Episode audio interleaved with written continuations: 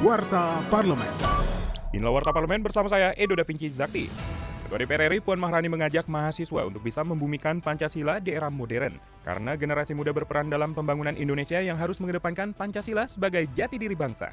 Hal itu disampaikan politisi PD Perjuangan tersebut saat menghadiri Disnatalis Gerakan Mahasiswa Kristen Indonesia atau GMKI ke-72 di Manado, Sulawesi Utara. Menurut Puan, menghilangkan Pancasila akan berdampak pada hilangnya perekat dan pemersatu bangsa Indonesia, serta menghilangkan karakter sebagai bangsa yang ramah, toleran, dan bergotong royong. Warta Parlemen.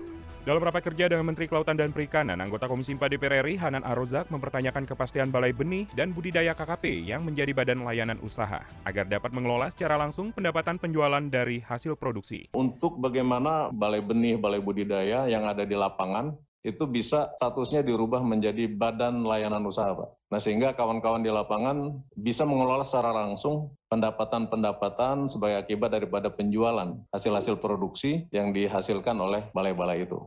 Nah, ini gimana respon daripada Kementerian Kelautan Perikanan terkait dengan eh, perubahan ya status daripada balai itu bisa menjadi badan layanan usaha, nah sehingga mereka tidak ada kesulitan di dalam pengelolaan itu. Ya.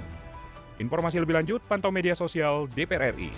Wakil Ketua Badan Kerjasama Antar Parlemen atau BKSAP DPR RI Putu Supat Marudana mengatakan kegiatan Interparliamentary Union atau IPU ke-144 menjadi momentum penting untuk menunjukkan kepada dunia bahwa Indonesia mampu mengatasi tantangan pandemi COVID-19.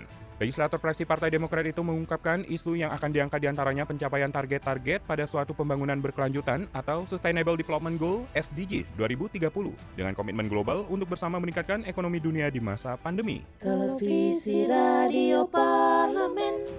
Demikian Warta Parlemen, Produksi TV dan Radio Parlemen, Biro Pemberitaan Parlemen, Sekjen DPR RI.